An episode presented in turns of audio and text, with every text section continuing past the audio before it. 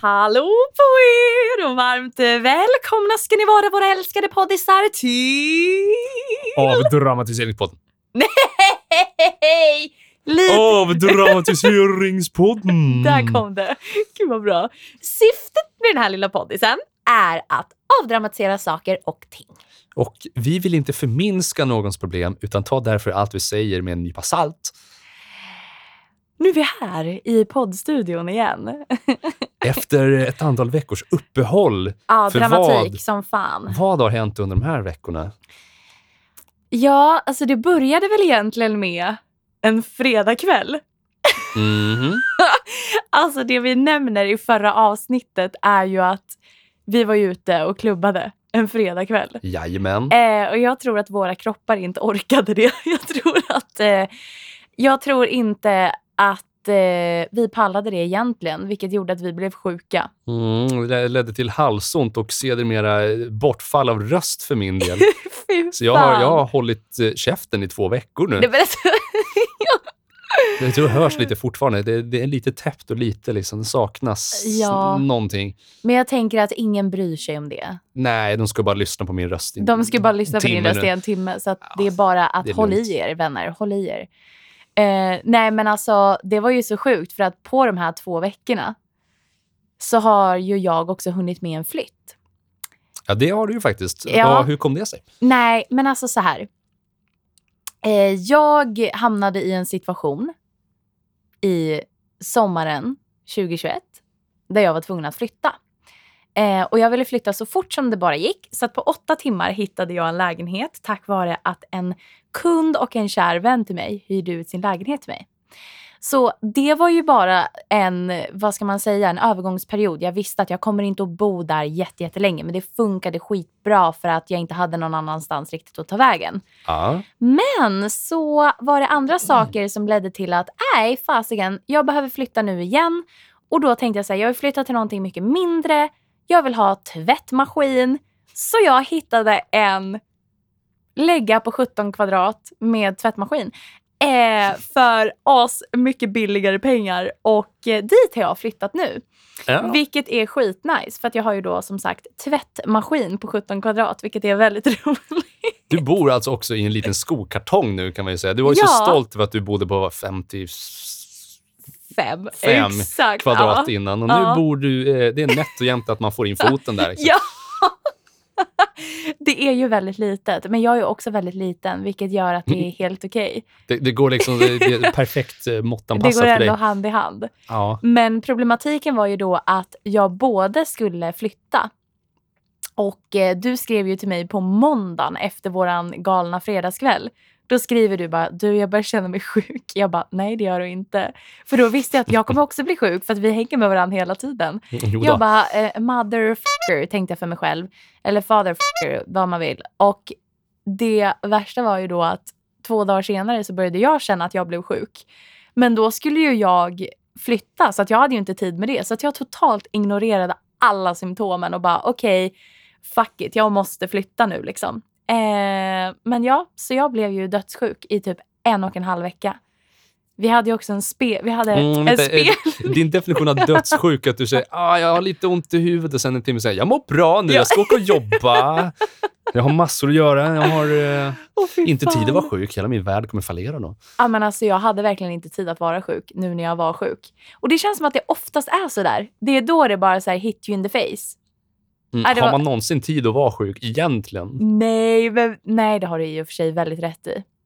Ja visst har jag. Ja, okej. Men eh, vi hade ju en jätterolig fredagskväll i alla fall. Det var ändå värt det. Men jag tror att när man inte har varit ute bland folk på två år så tror inte jag att immunsystemet är van vid alla bakterier och virus som rör sig på ett dansgolv. Nej, jag börjar fundera lite för att jag, jag var ju sjuk fantastiskt många gånger förra året.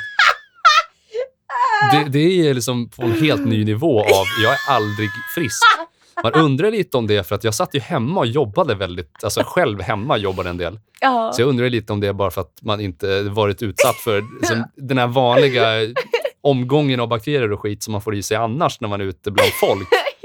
Tror det. Jag tror verkligen att det är det. För att jag testade ju mig för covid nu under tiden. Jag gjorde det fyra gånger. Det var negativt. Ja. Så det var ju bara en väldigt, väldigt rejäl förkylning liksom. Mm. Eh, men alltså, jag var ju, jag var ju sängliggandes i alla fall fyra dagar. Alltså jag låg är ner och bara så här, alltså som en sköldpadda liksom. Grejen för mig var ju däremot att den var ju, alltså jag hade feber i en och en halv dag, något sånt där. Ja. Så att det var ju en väldigt mild, det var väldigt milda symptom, men jävlar i mig var långdraget. Alltså Men jag har ju alltså- gått med hosta i knart, eh, snart två veckor. Liksom. Ja men alltså grejen var ju den att din feber också, den kom och sen så gick den och sen så kom den och sen så gick den. ja. Och sen så var den borta i typ en dag och sen kom den tillbaka. Man bara så här, nu får det ju fan räcka. Ja, det var lite spännande. Ja, sen, ja. sen är det också att eh, nu när jag pratade om mina stämbandsproblem och undersökningar jag gjorde och eh, läkaren sa liksom att ah, men du, det är, förutom en liten inflammation precis i kanten på stämbanden så ser det ändå bra ut. Och jag Ja. menar, jag hade ju fått tillbaka rösten ganska men nu ser det åt helvete ut Ja, igen. nu är det ju tillbaka på ruta noll igen. Jag bara, vad fan, ska man någonsin få ha en fungerande röst? Det är tur att jag inte sjunger i huvudsak, att jag är instrumentalist i, Ja. i grunden. Men eh, det är ju bara att lägga ner tankarna på att bli sångare i framtiden, märker jag. För att jag kommer ju aldrig ha stämband som funkar. Det är bara mitt, det funkar inte så för mig. Nej, Det är bara liksom inte ödet för dig. Nej. För det som är så roligt det var ju också att vi hade ju en, eh, en spelning den här veckan som vi blev sjuka.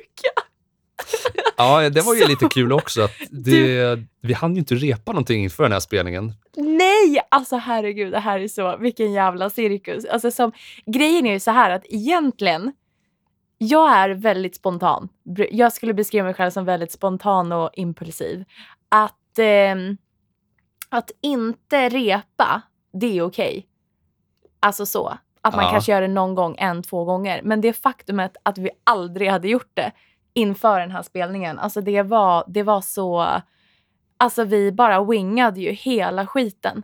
Mhm. Och det var fullsatt inne och det var typ flera bokningar på vissa bord. Så att det var så här, okej, folk kom, sen fick de sitta i vissa minuter, sen var de tvungna att, att gå för att nästa eh, liksom, sällskap skulle komma. Så det var ju liksom en, det var inte en liten grej vi skulle göra. Men det, vi wingade det och det blev ändå uppskattat. Åh herregud. Ja, det är fantastiskt. Jag, jag tycker mig minnas att du sa någon gång under konserten också att det här är vårt eh, första rep inför Ja. den här kvällen. Som man egentligen inte ska. Men det var ju, det, fasken det lät bra tycker jag. Ja, men vad tusan, säger man vad som helst med lite vet, pondus eller så här, Ah. gör en grej av det så blir det, funkar det ändå på något vis. Ja men alltså, men det har ju varit en, det har ju varit verkligen en vecka som heter duga. Två veckor som heter duga som har varit väldigt laddade på något vis. På något vis. Men nu är vi i alla fall tillbaka i poddstudion som sagt och ska avhandla ett nytt ämne som har stått på agendan ett tag faktiskt. Det var nog, Ja. vi har kommit på det för ett, eh, ganska länge sedan. Ja, det här var väl ändå i takt med att vi gjorde det första avsnittet så hade vi ändå lite i tanken att vi skulle göra det här ämnet. Så kan det ha varit. Mm. Så kan det mycket väl ha varit. Ja. Så då tänker jag fråga dig, vet du vad som är snabbt, låter mycket och känns i hela kroppen? Nej. Nej, ja, det, det är dina andetag och alla bieffekter därav när du misstar din huvudvärk för en hjärntumör. Så därför tänkte jag att vi ska prata om hypokondri idag. Let's go!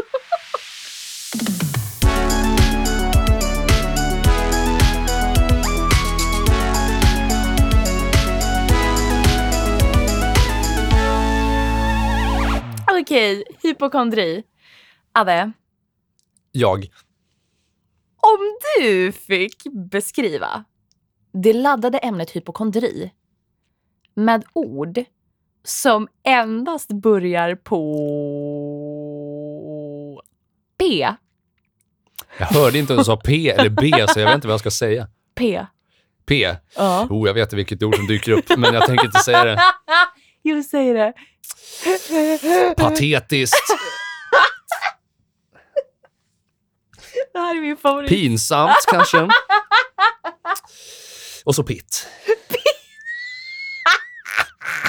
Det är de ord jag kommer bidra med idag. Alltså gud vad roligt. Det är verkligen min favoritsektion på hela den här... Pitt, Ja, nej. din favoritsektion. Bra att vi har avhandlat det också. Då vet jag vilken nivå vi lägger oss på här efter. Nu har vi lagt ribban på det här. Jajamän. Nej men alltså jag tycker att den här programpunkten är så rolig för att du bara säger ju vad du tänker på i stunden och det är ju bara massa skit. Det Jag det. tänker bara på Pitt just nu i stund. Ja. Okej. Nej, men eh, vad är hypokondri för den som inte hört begreppet innan? Ja, rätta mig om jag har fel, men den definitionen som jag är väl bekant med, den jag har dragit lite själv och den jag också har läst på om, det är ju att hypokondri är ett tillstånd när man är rädd, orolig eh, över olika sjukdomar och eh, att man ska bli sjuk på olika sätt. Det behöver inte kanske vara någon specifik sjukdom utan det kan vara allt möjligt. Det kan vara på den nivån att man har svårt att prata om sjukdomar. Att man har Mm. svårt att eh, benämna dem. Eh, bara för att man känner sig så rädd för att det liksom ska framkalla någon sjukdom. Eh, eller att det till och med kan vara på den nivån eh, där man liksom får rediga Alltså att hypokondri utvecklas för att man har panikångest och får panikattacker och sånt där. Sen finns det säkerligen väldigt mycket mer till det här. Men i det stora hela skulle jag säga att det är en nästan utomkroppslig oro för sjukdomar eller att man ska bli galen eller sådär. Mm, den är spännande för att den hänger ju väldigt mycket ihop med eh, panikångest också, tänker jag. Ja, verkligen. I alla fall har det gjort det i mitt fall. Ja. Verkligen. Men det, det är den erfarenhet jag har av det också. För det var egentligen så det började lite grann för mig. Okej. För att jag, jag har ju gått, då? eh, eller jag gick med hypokondri, i ganska allvarlig sådan, i flera, alltså ett par års tid, när det var som värst för mig. Men var det, var, det, var det innan som du hade panikångest? Eller var det under tiden panikångesten bubblade upp? Det var under tiden, eller man kan säga att panikångesten utvecklades till hypokondri. För att i Oh. början så var det lite så ospecifika panikångestattacker som jag inte visste riktigt var de kom ifrån eller vad de berodde på. Ja. Sen när man började få de här fysiska symptomen av panikångest Mm. som eh, känslan av att man håller på att svimma eller kanske det gör ont någonstans. Ja, när man dör, tänkte jag säga. Ja, men precis. Ja, Då, ja. då går det över. Förr eller senare så kopplas det ihop med att aha, tänk om det är någonting, liksom, det är något fel, något fysiskt fel som gör att jag känner så här. Det är inte bara att jag är liksom väldigt stressad i stunden, utan det är, Ja. något, det är något annat bakom. Ja. Så att för mig gick det ju från att först så hade jag bara panikångestattacker med väldigt tydliga fysiska symptom. Vad var det för symptom om du känner dig bekväm med att berätta om dem? Jag tror det jag minns ganska specifikt ändå att jag var och styrketränade på gym en dag och körde någon form av roddövningar för mig och kände hur det gjorde fruktansvärt ont fram i bröstet. Okej. Och då började det som att ah, jag var inte jag hade inte ångest eller någonting innan eller när jag höll på, utan det Nej. var först när jag kände att det gjorde ont i bröstet som jag då började jag känna att ångesten började smyga sig på. Mm. Och det, var, det blev en eh, fullt utvecklad panikångestattack av det efteråt. Åh fy fan, Och, eh, vad hemskt. Jag kommer till och med ihåg att jag åkte in till eh, vårdcentralen samma dag faktiskt. För att jag, Ah. det kändes inte bra. Det kändes verkligen som att nej, nu är någonting fel. Nu är det inte bara en panikattack. Nej. Så de eh, kollade, de tog såna EKG och kollade blodvärden och sånt där. Ah. Och eh, allting såg bra ut, givetvis. För att det var, jag var ung och frisk, liksom, var Ah. 16 år. Ja, ja. Men eh, bara så för att de skulle vara på den säkra sidan, så som läkare ofta gör, så skickar de en remiss då till en, en annan mottagning där de skulle göra en ultraljudsundersökning på hjärtat också. Och fy. Ja, bara, Bara, det. bara för liksom för att ja, men då är det inget tvivel om saken. Att om Mm. den ser bra ut, då det, finns det ingen anledning att tro något annat. Ja. Så att eh, jag fick tid bara någon, ett par veckor senare, det var ganska snabbt jag för mig det gick. Mm.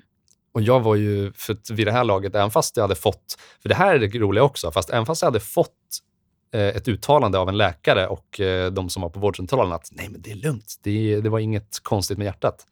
Så gick jag ändå runt och grubblade inför den här ultraljudsundersökningen. Att tänk om de hittar någonting kul där som man inte ser på ett EKG eller en vanlig undersökning. Ja, men det är klart att man gör det, tänker jag. Ja, Rent det, det, spontant det är klart, så det, här. det, är liksom hela det, det hör ju ihop, hela det Ja. mönstret hör ju ihop med hypokondrin. Gud vad intressant att du... Ah. Mm. Men vad sa de då på... Nej, när jag väl kom till eh, den undersökningen, vilket den var väldigt eh, festlig också, för det är ju princip, det är ju precis som när en gravid kvinna går och gör ett ultraljud för att kolla att barnet mår bra. Samma sorts eh, kallt medel hon drar på sig, den där lilla ja, är inte, kameran. inte särskilt trevligt att ligga där när man liksom är orolig Nej, för vad som komma skall, så att säga. Nej, precis. Men, eh, nej, men personen som gjorde undersökningen kollade och eh, Mm. ja, det var inget konstigt då heller, såklart. Nej. Det var, det var frid och fröjd alltihopa. Ja. Och det höll jag väl i mig i, ja, det höll sig väl en vecka. Sen började jag tänka att, nej men tänk om de missat någonting alltså, för att jag Ja, hade jag fortfarande ont i bröstet. Liksom. Ah, för att fasen. en utbildad läkare, de kan faktiskt också ha fel, för de är bara människor. Och Precis. jag vet bättre. Mm, men det är alltid den här liksom, ja men tänk om, för att det Ja. är ju eh, 99,1 miljard decimaler nior efteråt sannolikhet att det inte är någonting. Men tänk om alltså, för det är en eh, miljondels promille av en eh, ja. tusendel som det kanske skulle kunna vara någonting, att det blir fel. Ja. Nej men alltså, ja, jag, jag förstår dig i det här. Alltså jag, Mm.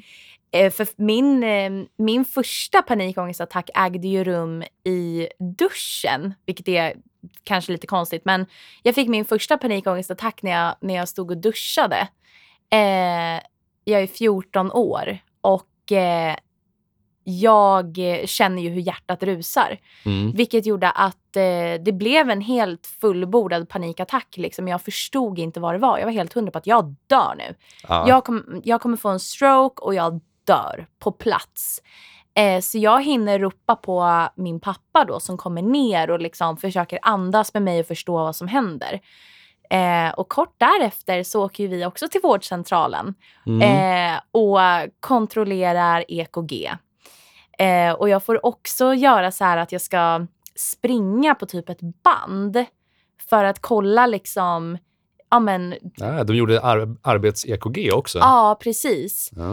Eh, men det var ju inga fel på mig liksom. Nej, det är ju sällan man som 14-åring har hjärtfel. liksom. ja, men det sjuka var ju den att där omkring så började ju min oro. Men det var också då som jag började utveckla min emetofobi. Alltså spyfobin då, för de som inte vet vad emetofobi är. Mhm. Mm. Så att eh, min hypokondri har ju verkligen, jag tror att den, den främst har legat i en enorm rädsla ända från att jag var liten. I alla fall från att jag är 12-13 år för det här med att kräkas. Och, och jag vill bara säga trigger warning till de som har emetofobi då. För att vissa har svårt att till och med bara höra ordet, orden. Liksom. Men nu kommer det komma sådana ord. Nej men att jag, jag, för mig var det ju liksom, det var ju min största rädsla då. Att kräkas eller att någon skulle göra det vid mig. Liksom. Mm. Så att min oro var ju, min oro och min ångest låg ju främst i det till en början. Men sen när jag började få de här panikattackerna, det var då jag började fatta Holy Mother of God. Det finns andra kroppsdelar.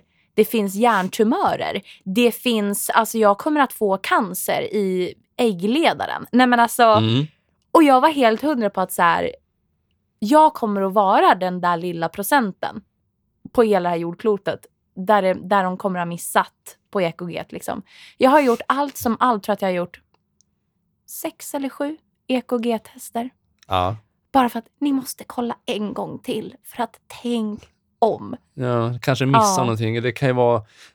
Man kan ju tänka sig att ja, men nog för att EKG kan se bra ut, men du kanske inte har hjärtflimmer precis just Nej. där och då. Det kanske kommer sen när du inte kollar. Åh herregud. För det ja. finns ju också, det är sånt här man bara kan om man, om man har haft eh, hypokondri och eh, kollat upp saker. Att det finns Ja. ju sån här Ja. 24 timmars test du går med en liten, eh, liksom, eh, ja. En manik på det som mäter under ett dygn också. ja, och alltså det sjuka är ju också i det här att jag, eh, alltså jag har ju till och med, alltså när jag började gå eh, hos en psykolog, då fick ju jag olika tester, alltså typ, ja men vad ska man säga, läxor hem. Och då var ju en sån läxa, det var ju att du får inte googla. Jag Mm. får inte googla nu. För jag googlar allt. Alltså då menar jag liksom, jag känner efter minsta lilla grej, skriver upp det, dem på, i mina anteckningar, Mm. olika symptom på olika saker. Sen skriver jag i, alltså det här är ju Mm, det här är bra att vi avdramatiserar. Mm. Eh, mm.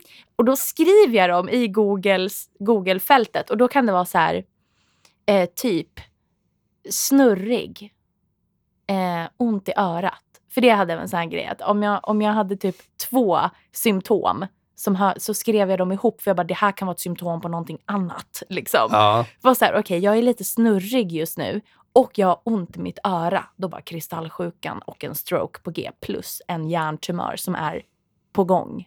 Japp. Och man bara så här! Liksom. Det kunde inte bara varit att jag typ har sovit lite dåligt och är lite förkyld. Alltså det kunde inte vara någonting sånt. Nej, varför ska det vara det mest rimliga? Det som är mest sannolikt, det går ju inte. Men det alltså, är alltid det värsta tänkbbara. Ja, men det är verkligen det. Och det är så... För saken är den att jag förstår verkligen. Eh, jag förstår verkligen att det kan låta udda. Eller typ såhär, men gud, hur kan man få ångest och oro för, för det där? Liksom? Eller hur kan man tänka så här stora orostankar? Liksom? Ja. Men där och då så är det ju fullkomligt superverkligt. Jag hör ju själv, när när jag sitter här själv så, och när vi pratar, jag vet att kroppen, kroppen själv kräks. Jag vet att den kan det. Det är precis lika normalt som att bajsa och kissa. Det är ändå en funktion som kroppen har, så att Ja. säga. Det är inte en sjukdom. Nej. Och så många försök till att bli av med den här fobin. Liksom. Men det är ju en verklig oro där och då. Och det är precis samma med den här hypokondrin. För de hör, väl, de hör väldigt mycket ihop för mig. Hypokondrin och emetofobin då så att säga. Jag, jag tycker det är så spännande det här att man gick runt och kände efter så mycket också. För det var ju den största, alltså att du la som fokus på alla små sensationer. För jag menar, Ja. kroppen är ju inte ett perfekt system, men du kan ju få rätt vad det är så kanske pirrar in en tå någonstans. Bara så här, helt normal grej. Ja. För att det är massa biologiska processer som tar fart och liksom jobbar i konstant, konstant. Ja. Och det man märker, eller jag märkte ju så mycket under de åren när det var som värst för mig, hur mycket jag lägger märke till såna små saker som Ja. alla känner men ingen bryr sig om. Och det, det, Ja, hela den alltså. liksom...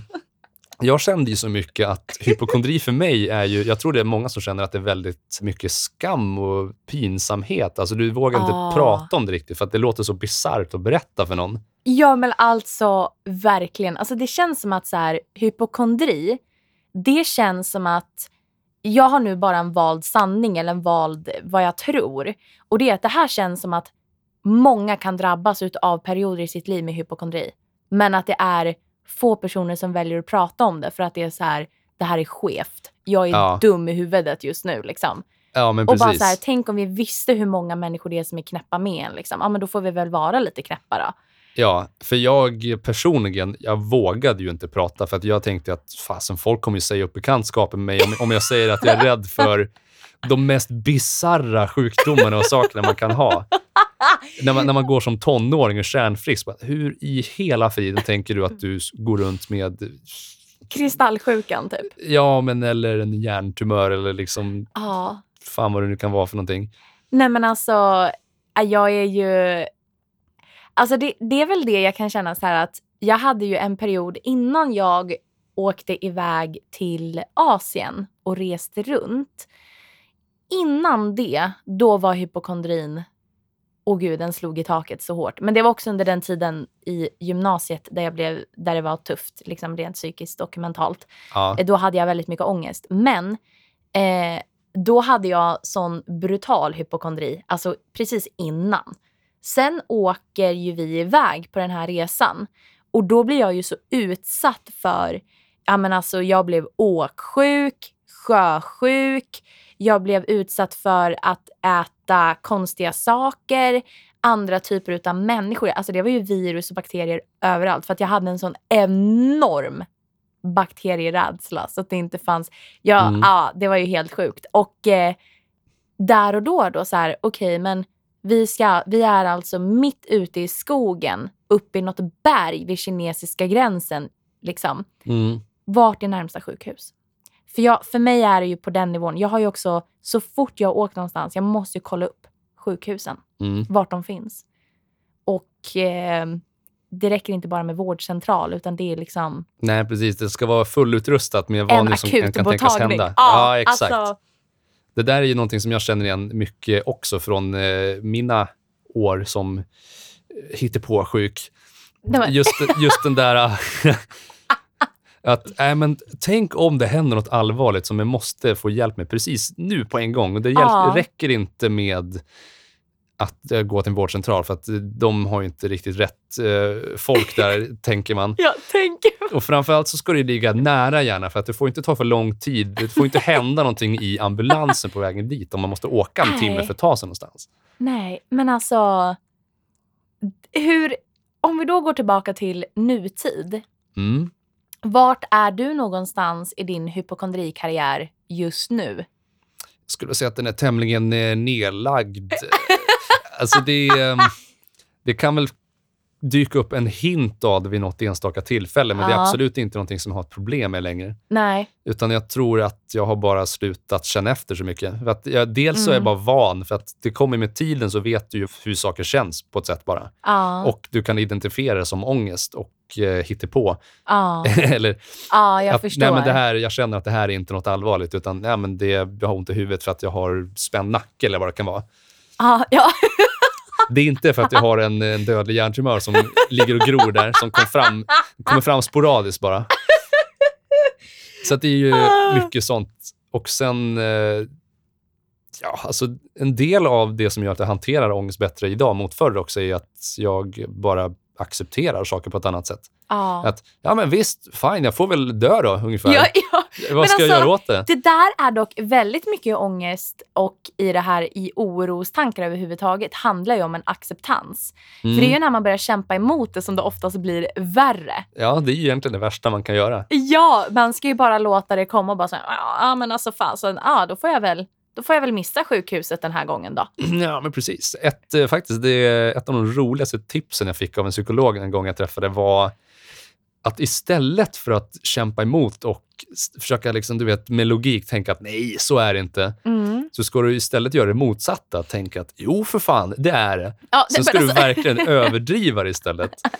Att om, om du har en liten en vag tanke av att oh, jag kommer dö, oh, shit, det här är inte bra, ja. så kan du dramatisera. Du kör med någon sån där, tänk en operas, operaröst. ja. Så att, jag kommer dö! Du kör med långbensröst eller någonting. Att du verkligen Oj, tar- vilken bra... ja, men du tar den meningen som gör dig orolig och sen överdriver du den med olika röster. För då, bara av att rösterna är så bisarra så kommer det tappa meningen lite grann. Det är, som att, Seriöst? Det här, det, här, det här är ju värsta tipset. ja, det är lite den här effekten att om du upprepar samma ord om och om igen så tappar det sin betydelse till slut. Oj, vilken... Du har så rätt. Mm. Det där, det här mina poddisar, det här. Den här tar vi till oss. Topptips med eh, Adulation. adulation. Med ena halvan utav avdramatiseringspodden. Exakt. Så är det. Jag eh, bistår med sånt. ja. Nej, men alltså jag kan ju känna den att min hypokondri är ju absolut inte stillad. Nej. Det är typ den största problematiken som jag har just nu i min mentala hälsa. Ja, någonting som jag tycker är, som jag har sagt till dig också, är att jag känner igen så mycket av mina egna tidigare beteenden Ja. i saker som du beskriver. Och jag vet precis hur jävligt det är, Ah, men alltså, att det, är känns så... förbannat verkligt varge gång också. Ja, för det var ju bara som, ta typ det här nu innan vi skulle iväg och spela. Jag har en tendens att kunna få ångest när jag ska prestera. Eh, jag vet inte riktigt varför exakt jag blir triggad, men många gånger innan jag ska upp och göra något, jag antar väl att det ligger i att jag vill att folk ska tycka att jag är bra och jada, jada, jada. Det kan man ha ett helt annat avsnitt om. Typ eh, avsnitt tre, prestationsångest. Ja, men typ exakt där ja.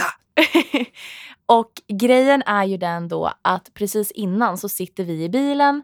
Jag börjar känna mig instängd. Och eh, det jag har fått höra från min psykolog som jag ska göra när jag får ångest, det är att jag ska tala om det. För för mig är det ju skam i det. Att Mm. det är pinsamt. Att vad gör jag om det bryter ut? Eller som en sån här grej, vad gör jag om jag behöver kräkas mitt bland, en människa, alltså mitt bland människor? Liksom? Ja. Vad gör man? Eh, så för mig ligger det så mycket skam i det och då så ska jag bara tala om för personer i min närhet nu känner jag mig ångestfylld. Så vi sitter i bilen och jag bara börjar ju känna att okej, okay, nu åker ju, nu, nu, nu kommer det. Mm. Nu kommer det här. Och då är ju, då har jag ju också i fem minuter innan hållit på och tänkt massa hypokondriska tankar. Ja, jag börjar känna att det sticker i fingrarna.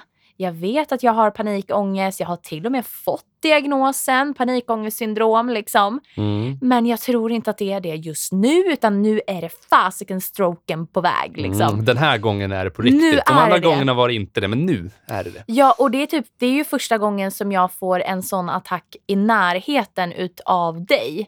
Ja. Vilket gjorde att jag blev så himla rädd för att säga, gud vad kommer du tycka om mig nu? Kommer du tycka jag är konstig? Alltså, och det är så här, vi pratar ju om psykisk ohälsa varje gång som vi poddar. Eller alltså om laddade ämnen och vi pratar om det med varann. Mm. Så man bara såhär, okej. du är ju den minst personen, alltså den absolut, du är den sista personen som skulle bara oh my god skärp dig. Ja. Liksom.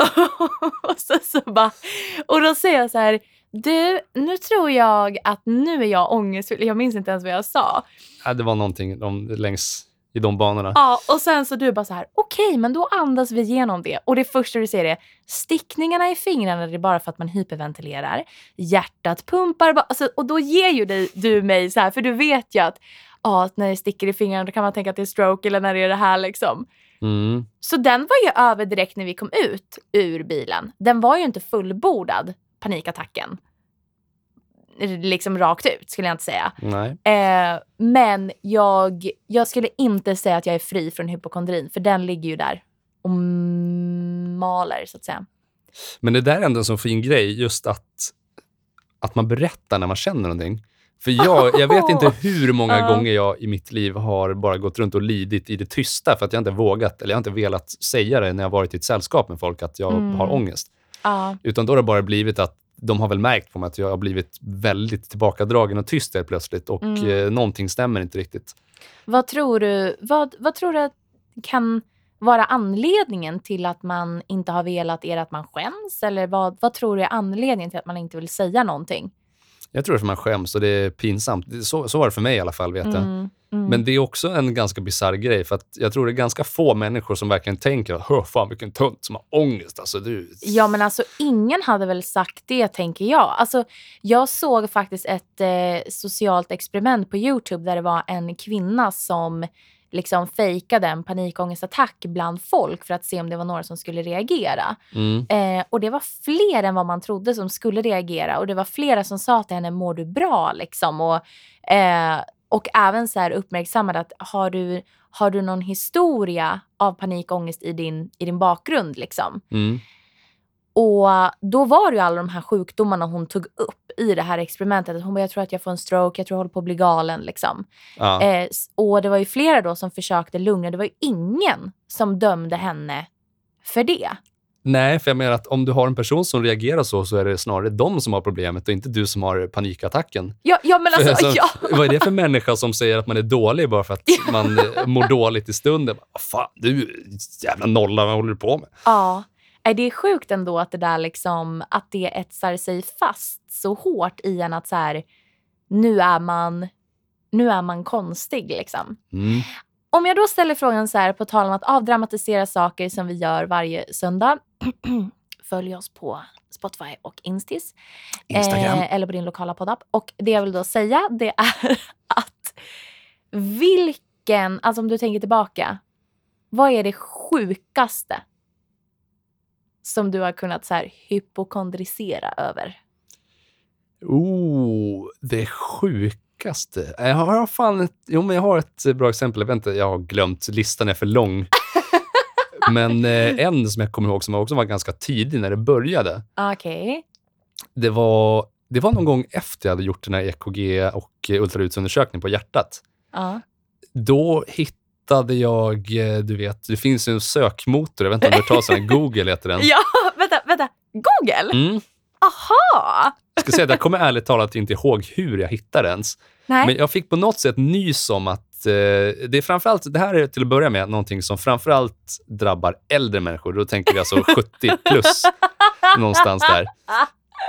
Men det är hur som att eh, det finns ju en, eh, så säga, en diagnos där du får ett, ett brock på eh, kroppspulsådern, alltså på stora pulsådern.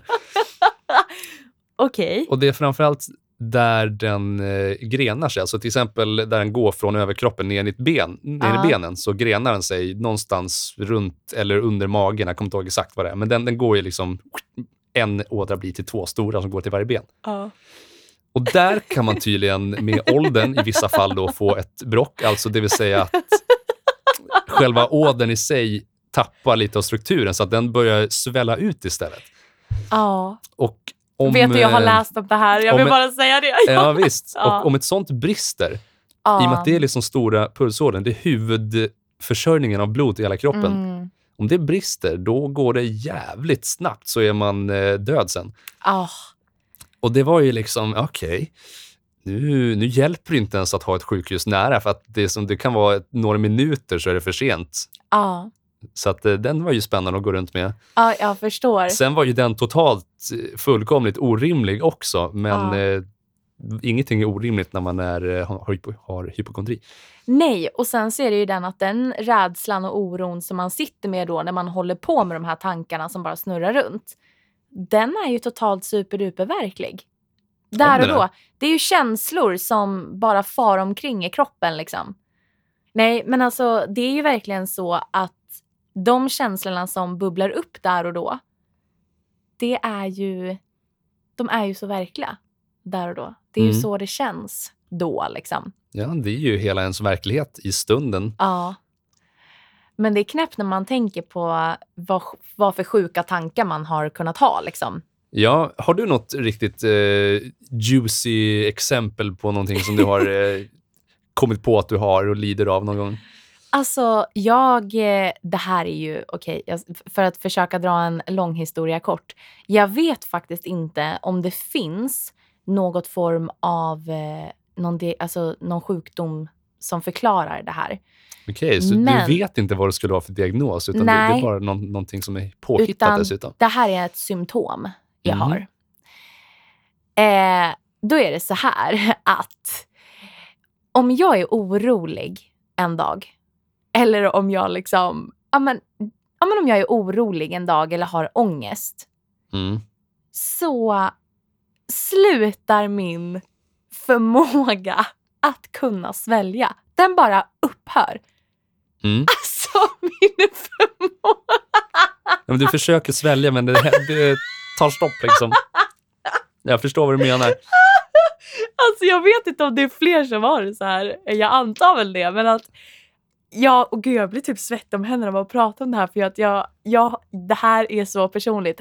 Nej men det är som att jag kan typ, jag tror att det är en rädsla av att jag tänker att jag kommer att kvävas. Ja. Att jag kommer att sätta i vrångstrupen hela tiden. Mm. Och att det är det som kommer göra att nu kvävs jag. Och att tankarna går Eh, att tankarna liksom går i så här, det är väldigt många gånger exempelvis om jag sitter i bilen och jag kör eller om jag är på en buss eller någonting där det inte är att jag kan stanna. Eller jag kan Mm. liksom inte, Du, du är fast, du kommer inte därifrån. ja precis. Typiskt ångestgrej också, att du inte kan Exakt. flys från situationen. Ja men precis, och då bara bubblar upp. Nej, och då var det faktiskt så, eh, jag har under hela min barndom haft problematik med att jag sätter i halsen.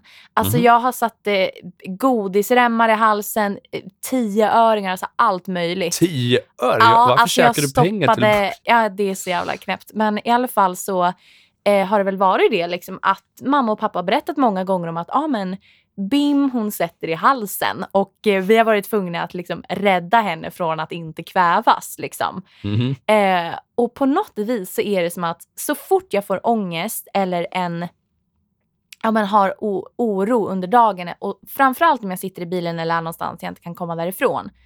Då kan jag få problematik med att svälja. Det kan vara att svälja saliv eller att det kan vara om jag... Det är därför jag, jag gillar inte att äta i bilen.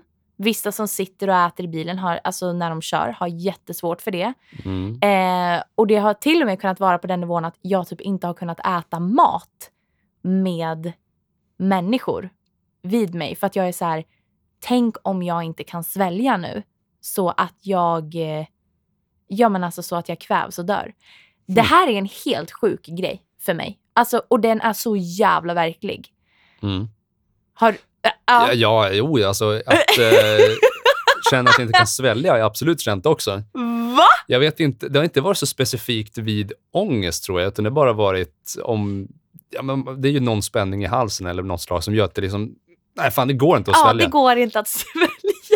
Alltså jag, det, det har verkligen varit en central del i hypokondrin. Okej. Att nu kvävs jag. Ja, Eh. jag tror jag har fått den här alltså, helt utan något ångestsammanhang. Att liksom, jag bara känner att, oh shit, vad händer nu? Liksom, jag, jag misslyckas med att svälja.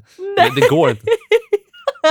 Men det, det brukar bara vara att det, det går inte. bara, Okej, nu gick det. Så det var det Ja, med men- det. Ju- För mig också är det så att då när det inte går, jag bara... Jag sitter där och bara, nu kvävs Ja. jag, nu kvävs jag. Det är nu det händer. Och det värsta är att det är så jävla verkligt. Alltså, nej men jag får så här kanske tre gånger i veckan. Nu var det, så pass? Nej men alltså, nu var det länge sedan bara därför. Men, men jag hade en period när det, var, det här var väldigt intensivt. Aha. Och där är det till och med så här... Alltså, nej. Alltså jag, problematiken med att svälja, den har varit så jobbig för mig. Alltså det har Mm. verkligen varit ett Ja, men det är problem. ändå rätt onajs, för det är ju en reflex som du sätter igång och när den inte funkar så... Du kan inte tvinga dig själv att svälja här. Alltså, Nej, för du måste ju en viss tröskel för att det ska ske. Ja, och det sjuka är ju den att det här har ju lett till att jag kan ju inte ta piller. Nej. Alltså allting som har med kvävning att göra, det är bara har jag såna... Jag är så rädd för att kvävas. Mhm. Ehm, för att något utav det, och det här sitter väl också väldigt mycket ihop med emetofobin, för att mycket utav när man sätter i halsen så blir det ju som kvällningar. Liksom. Ja. Så att jag är ju väldigt rädd för det, alltid. Eh, men det har ju lett till att så här, jag, har, jag kan ju inte ta piller, jag kan ju inte ta Alvedon och Ipren och sådär. Inte alls. Nej. Nej. Eh, jag kan göra det om jag tar det med mat, kan jag göra det numera. Ja. Men eh, då måste jag, det är också en sån här sak, jag har en regel, jag har mycket regler också i huvudet, mentala regler. Mhm. Gud, jag, I pour my heart out.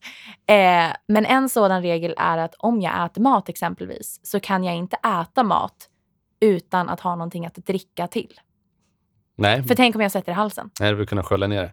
Ja, Fast vad hjälper det om du sätter i halsen? Ska du skölja ner det ännu längre i lungorna då? Tänker jag. ja men alltså jag tänker, jag vet inte vad jag tänker. Jag tänker typ, för att ibland så har det ju blivit så här att svällningen bara, nu kan jag inte svälja. Och då har det kunnat starta igång reflexen om jag har stoppat in vätska. Liksom. Mhm. Så att jag har ju såna där lösningar också Ja. för sväljningsproblemet. Ja, den är spännande. Ja, det här är min sjukaste grej. Mhm. Det är mitt slutgiltiga svar på Det är frågan. ditt slutgiltiga svar. Brukar det variera eller är det samma saker som du oroar dig för eller varierar att du hittar någonting nytt som avlöser det tidigare? För det, det kunde jag känna en del. Ja, alltså jag skulle nog säga så här, alltså tänker du mer på, alltså, generellt på hypokondrin då? Ja, generellt sjukdomar. Ja. För att jag kunde ju gå och eh, vara besatt av någonting i två veckor och sen eh, kom det någonting nytt istället som var, Ja. oh shit, det här är ju ännu värre. Och sen eh, glömde jag bort det som var för två veckor sedan. Då hade jag någonting nytt som hade tagit över istället. Ja, så höll jag mycket, mycket på när jag var yngre. Alltså när det här precis började. Mm. Eh, nu har jag mina centrala sjukdomar Mhm. där det främst är stroken som står i fokus. Liksom. Mm. Och jag vet inte varför. Jag vet inte varför den är så central. Jag tror att det är för att alla mina symptom på panikångest är symptom som också kan uppkomma när man är på väg att få en stroke. Ja, det, jag tror ett av de bästa eh, tillfällena som jag har eh, under alla googlingar som man gjort i ren oro. Liksom. Fy fan. Jag, vet inte, jag kommer inte ihåg vad jag skrev in, men då var det att jag fick fram att okej, det här är symptom på en graviditet. Nej! Och då insåg jag hur bisarrt det är att sitta och göra så. Jag bara, Vänta lite här, nu, jag inte, det här går ju inte. Ja, nej men alltså, och du kan ju bara tänka dig liksom i... Alltså jag hade ju en... Eh, när min panikångest slog i taket så var jag tillsammans med en, en kille. Ehm, och väldigt många gånger var det ju på nätterna som panikångesten kom. Mm. Eh, så att han var ju många gånger med och jag väckte honom och liksom så här... Eh, ja, så var han med och andades med mig så att säga. Och han var vaken med mig. Alltså fy fasken vad han har varit med mig, den här snubben. Mm. Eh, och grejen var ju den att när min hypokondri verkligen alltså körde på, körde över mig. Mm. Då var det ju på den nivån att jag var tvungen att plocka ut mobilen. Alltså ifrån vårt sovrum. Eh, han sa så här, han bara, så nu, nu tar vi telefonen för att du googlar. Och jag kunde ligga uppe hela nätterna och bara googla, googla, googla på symptom. Nu känns det så här. Jag kunde komma in på, och väldigt mycket som jag ville åt det var, det finns sådana här informationsbilder. Typ bröstcancer exempelvis, så finns det hur man ska trycka på tutten Ja. för att få veta.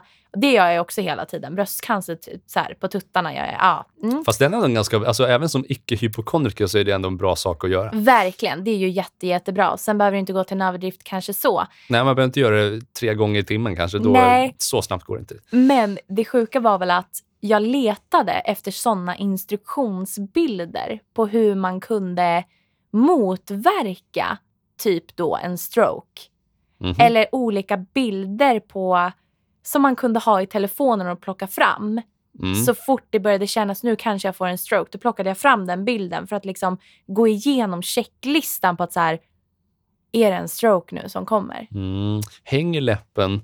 Ah, Kan jag prata utan att sluddra? Kommer jag ihåg vad jag heter? ja, men alltså ja, det, ja, alltså herregud. Ja. Så jag skulle säga så här, idag, nej, alltså det är främst stroken då som jag, alltså hypokondrin är där när panikångesten kommer. Mm. Den är inte alls där på samma sätt, förutom på vinterhalvåret, men då är det ju metofobin ju. Och den, jag, jag lägger inte metofobin i samma fack som hypokondrin faktiskt. Nej, Gör jag inte. Det är ju två skilda saker trots. De är ju väldigt skilda liksom. Ja.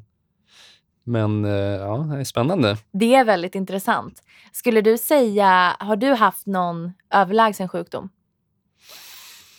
En Överlägsen sjukdom. Jag vet inte, jag har väl också haft en, en släng av hjärntumörer och strokes och sånt där.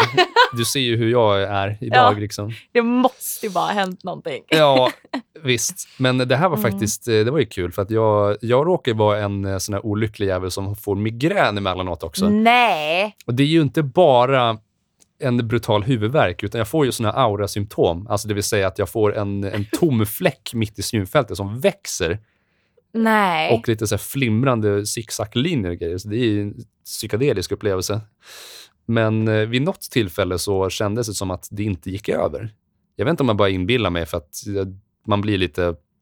Alltså det kan hålla sig i... Förutom huvudvärken, den släpper för mig efter ett par timmar, vilket är tacksamt. Ja. Men jag kan känna mig ganska urlakad och tömd på energi de kommande, säg två dagarna. Ja, fy. Ja. Så att jag tror vid något tillfälle så kommer jag ihåg att jag åkte in till... Jag kommer inte ihåg om det var akutmottagning eller... Jo, det var en akutmottagning förresten. Nej. För att jag kände att nej, men nu, någonting känns konstigt den här gången. Ja. Ehm, så att då gjorde de undersökningar. För mig jag fick träffa en, en neurolog som var på jour där dessutom. Och de gjorde massa undersökningar för att kolla så att funktioner funkar, alltså att eh, pupillerna vidgas, man lyser lampa på dem och så vidare. Ja. Ja. Sen gjorde de rent av en, eh, en skiktröntgen på hjärnan samma gång också. För Nej. det är ju så att, för det är också en, en liten så obehaglig grej att eh, symptomen, eller aurasymptomen som man får inför en sån migrän, kan ju ha ett visst samband med stroke också. Ah, alltså fy fan. Uh! Så då, då gjorde de ju en sån undersökning bara för att vara på den säkra sidan. Ja, hur var det då? Det Eh, måste ju varit väldigt Ja, det var ångestframkallande. skitnödigt innan eh, jag fick veta Ja, svaren. Fy fan. Men eh, den visade ingenting. Men eh, Nej.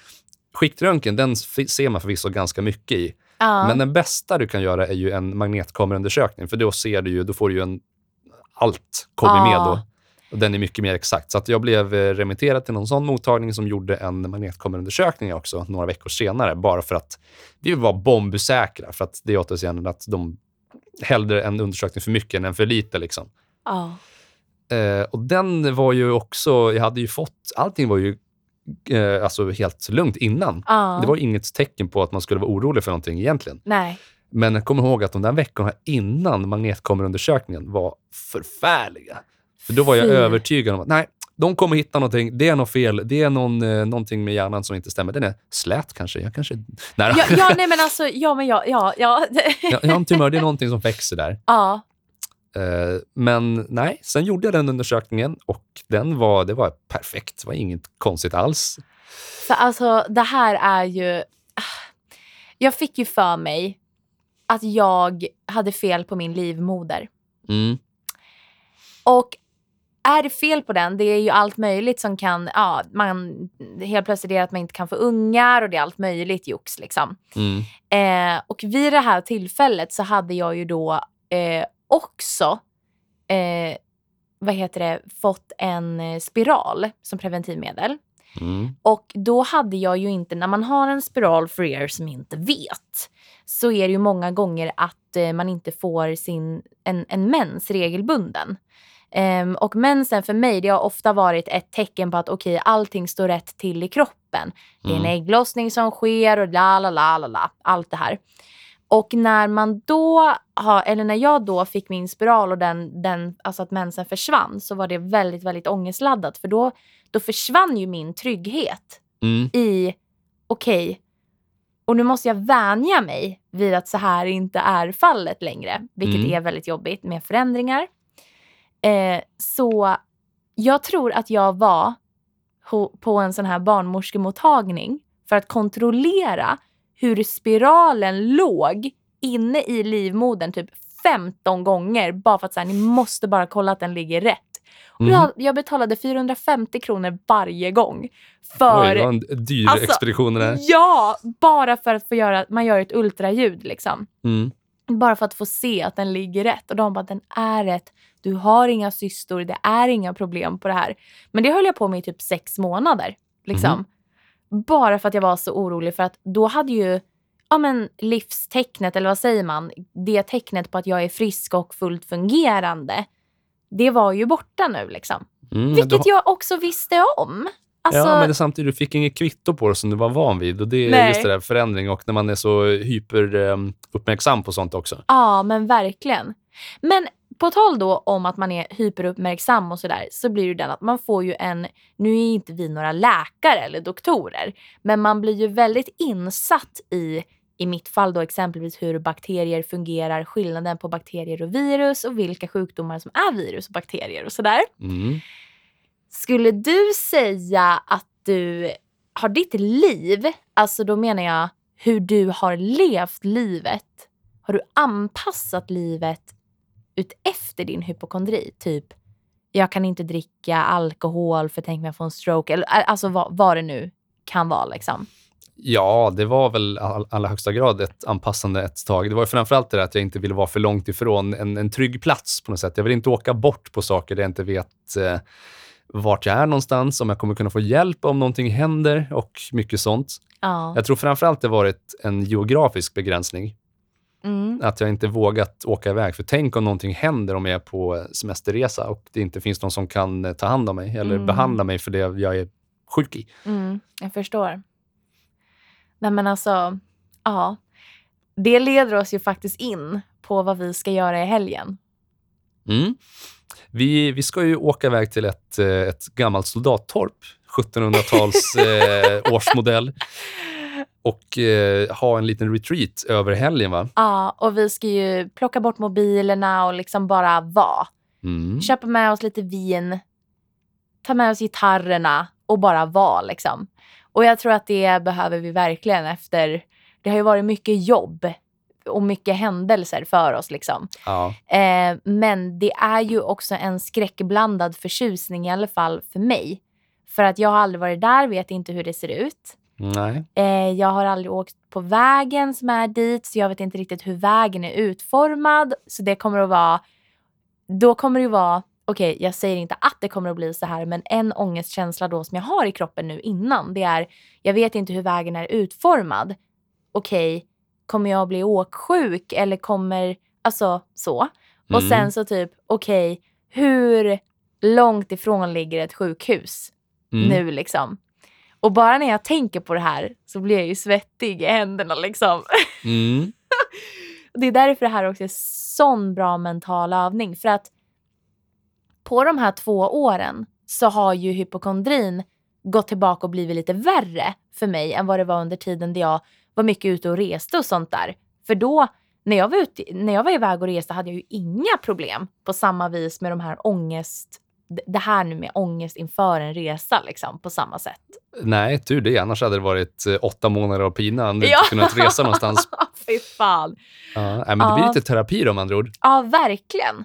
Det känns faktiskt superduper... Det ska bli riktigt, riktigt roligt, måste jag säga.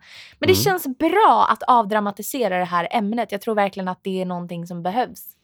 Ja, men framförallt att vara, ändå vara så öppen med att prata om det. För det är ju som sagt, alltså det största problemet som jag hade var att jag kunde inte prata om det för att vad fan kommer folk tycka om mig om jag säger att nej, men jag är övertygad om att jag, min eh, pulsåder kommer gå av och jag kommer dö om typ en minut. Ja, ja. För att jag har lite ont i magen nu som antagligen är för att jag inte har ätit. ja. För att jag inte kan äta när jag har ångest. Nej, det kan ju inte jag men det heller. kan ju inte vara Nej. det, utan det måste ju vara något annat som gör ont som är på väg att gå sönder. Explodera. Ja. Efter att ha pratat lite grann om hypokondrin så här så skulle jag vilja veta vad karikatyren känner för ämnet hypokondri.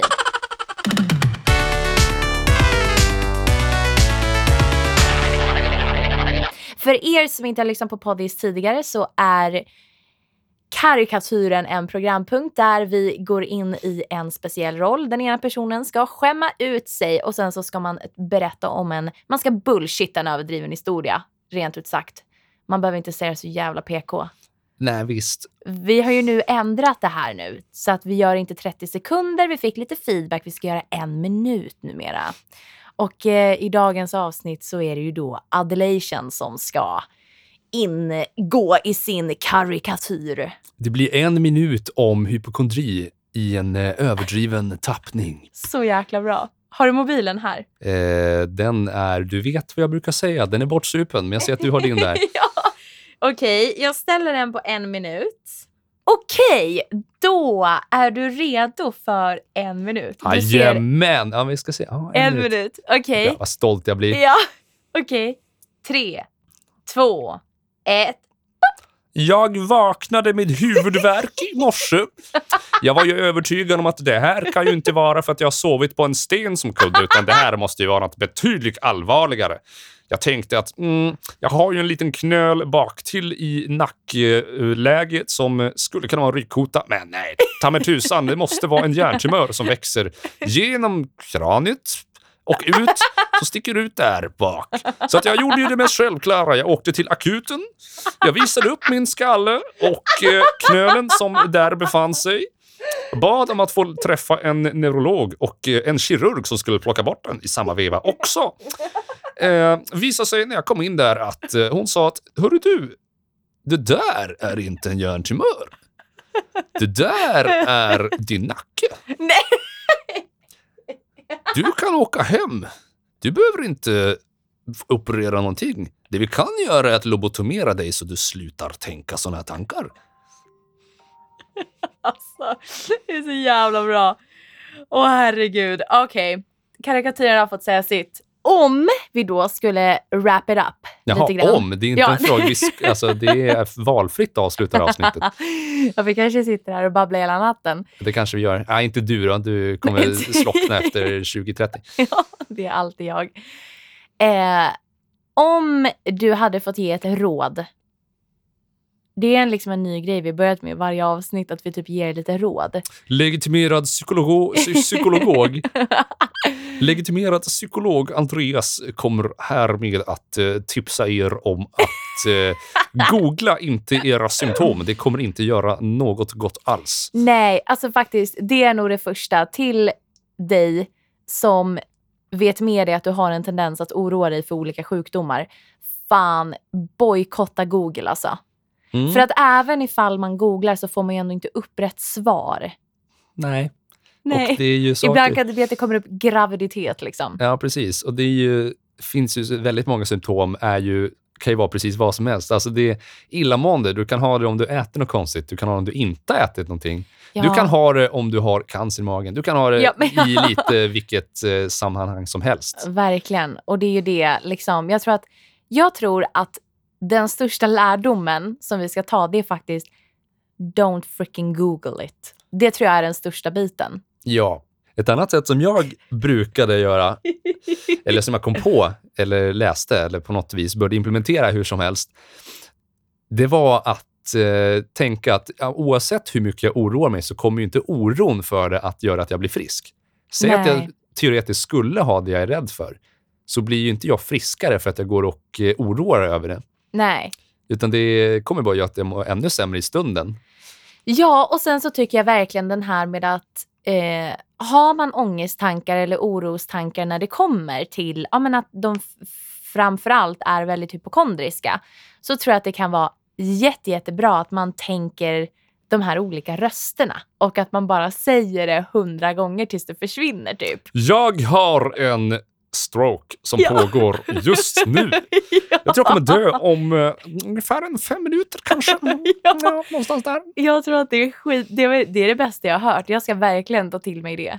Ja, men den är, den är ganska bra. Om man vill få den ännu mer effektiv så kan man eh, säga den högt också, inte bara i huvudet. Ja, nej men det, det, det är verkligen en bra, ett bra råd. Tack så förbaskat mycket alla som har lyssnat den här veckan också. Vi beklagar så mycket att förra veckans avsnitt uteblev, men eh, ni hade inte velat lyssna på min, eh, icke, min obefintliga röst som var då. Ja. Och ibland så blir det uppehåll, men det kommer det förmodligen inte. Vi- Förhoppningsvis så blir det inga fler uppehåll nu. Eh, som vanligt så ses vi varje söndag med laddade ämnen som vi bubblar om. Vi finns på Instis, vi finns på Spotify och vi finns på din lokala poddapp. Undrar när du kommer börja säga Instagram och inte Instis, så jag slipper köra min lilla förklaring om vad Instis är för någonting. Det är inte en ny app för sociala medier. Det är Instagram vi pratar om och där heter vi Avdramatiseringspodden. Där får ni jättegärna följa oss och eh, slänga in förslag på ämnen eller bara förslag på goda restauranger som har bra mat så slipper vi sitta hungriga i studion och spela in. Jajamensan, och med det sagt... Bye. Bye.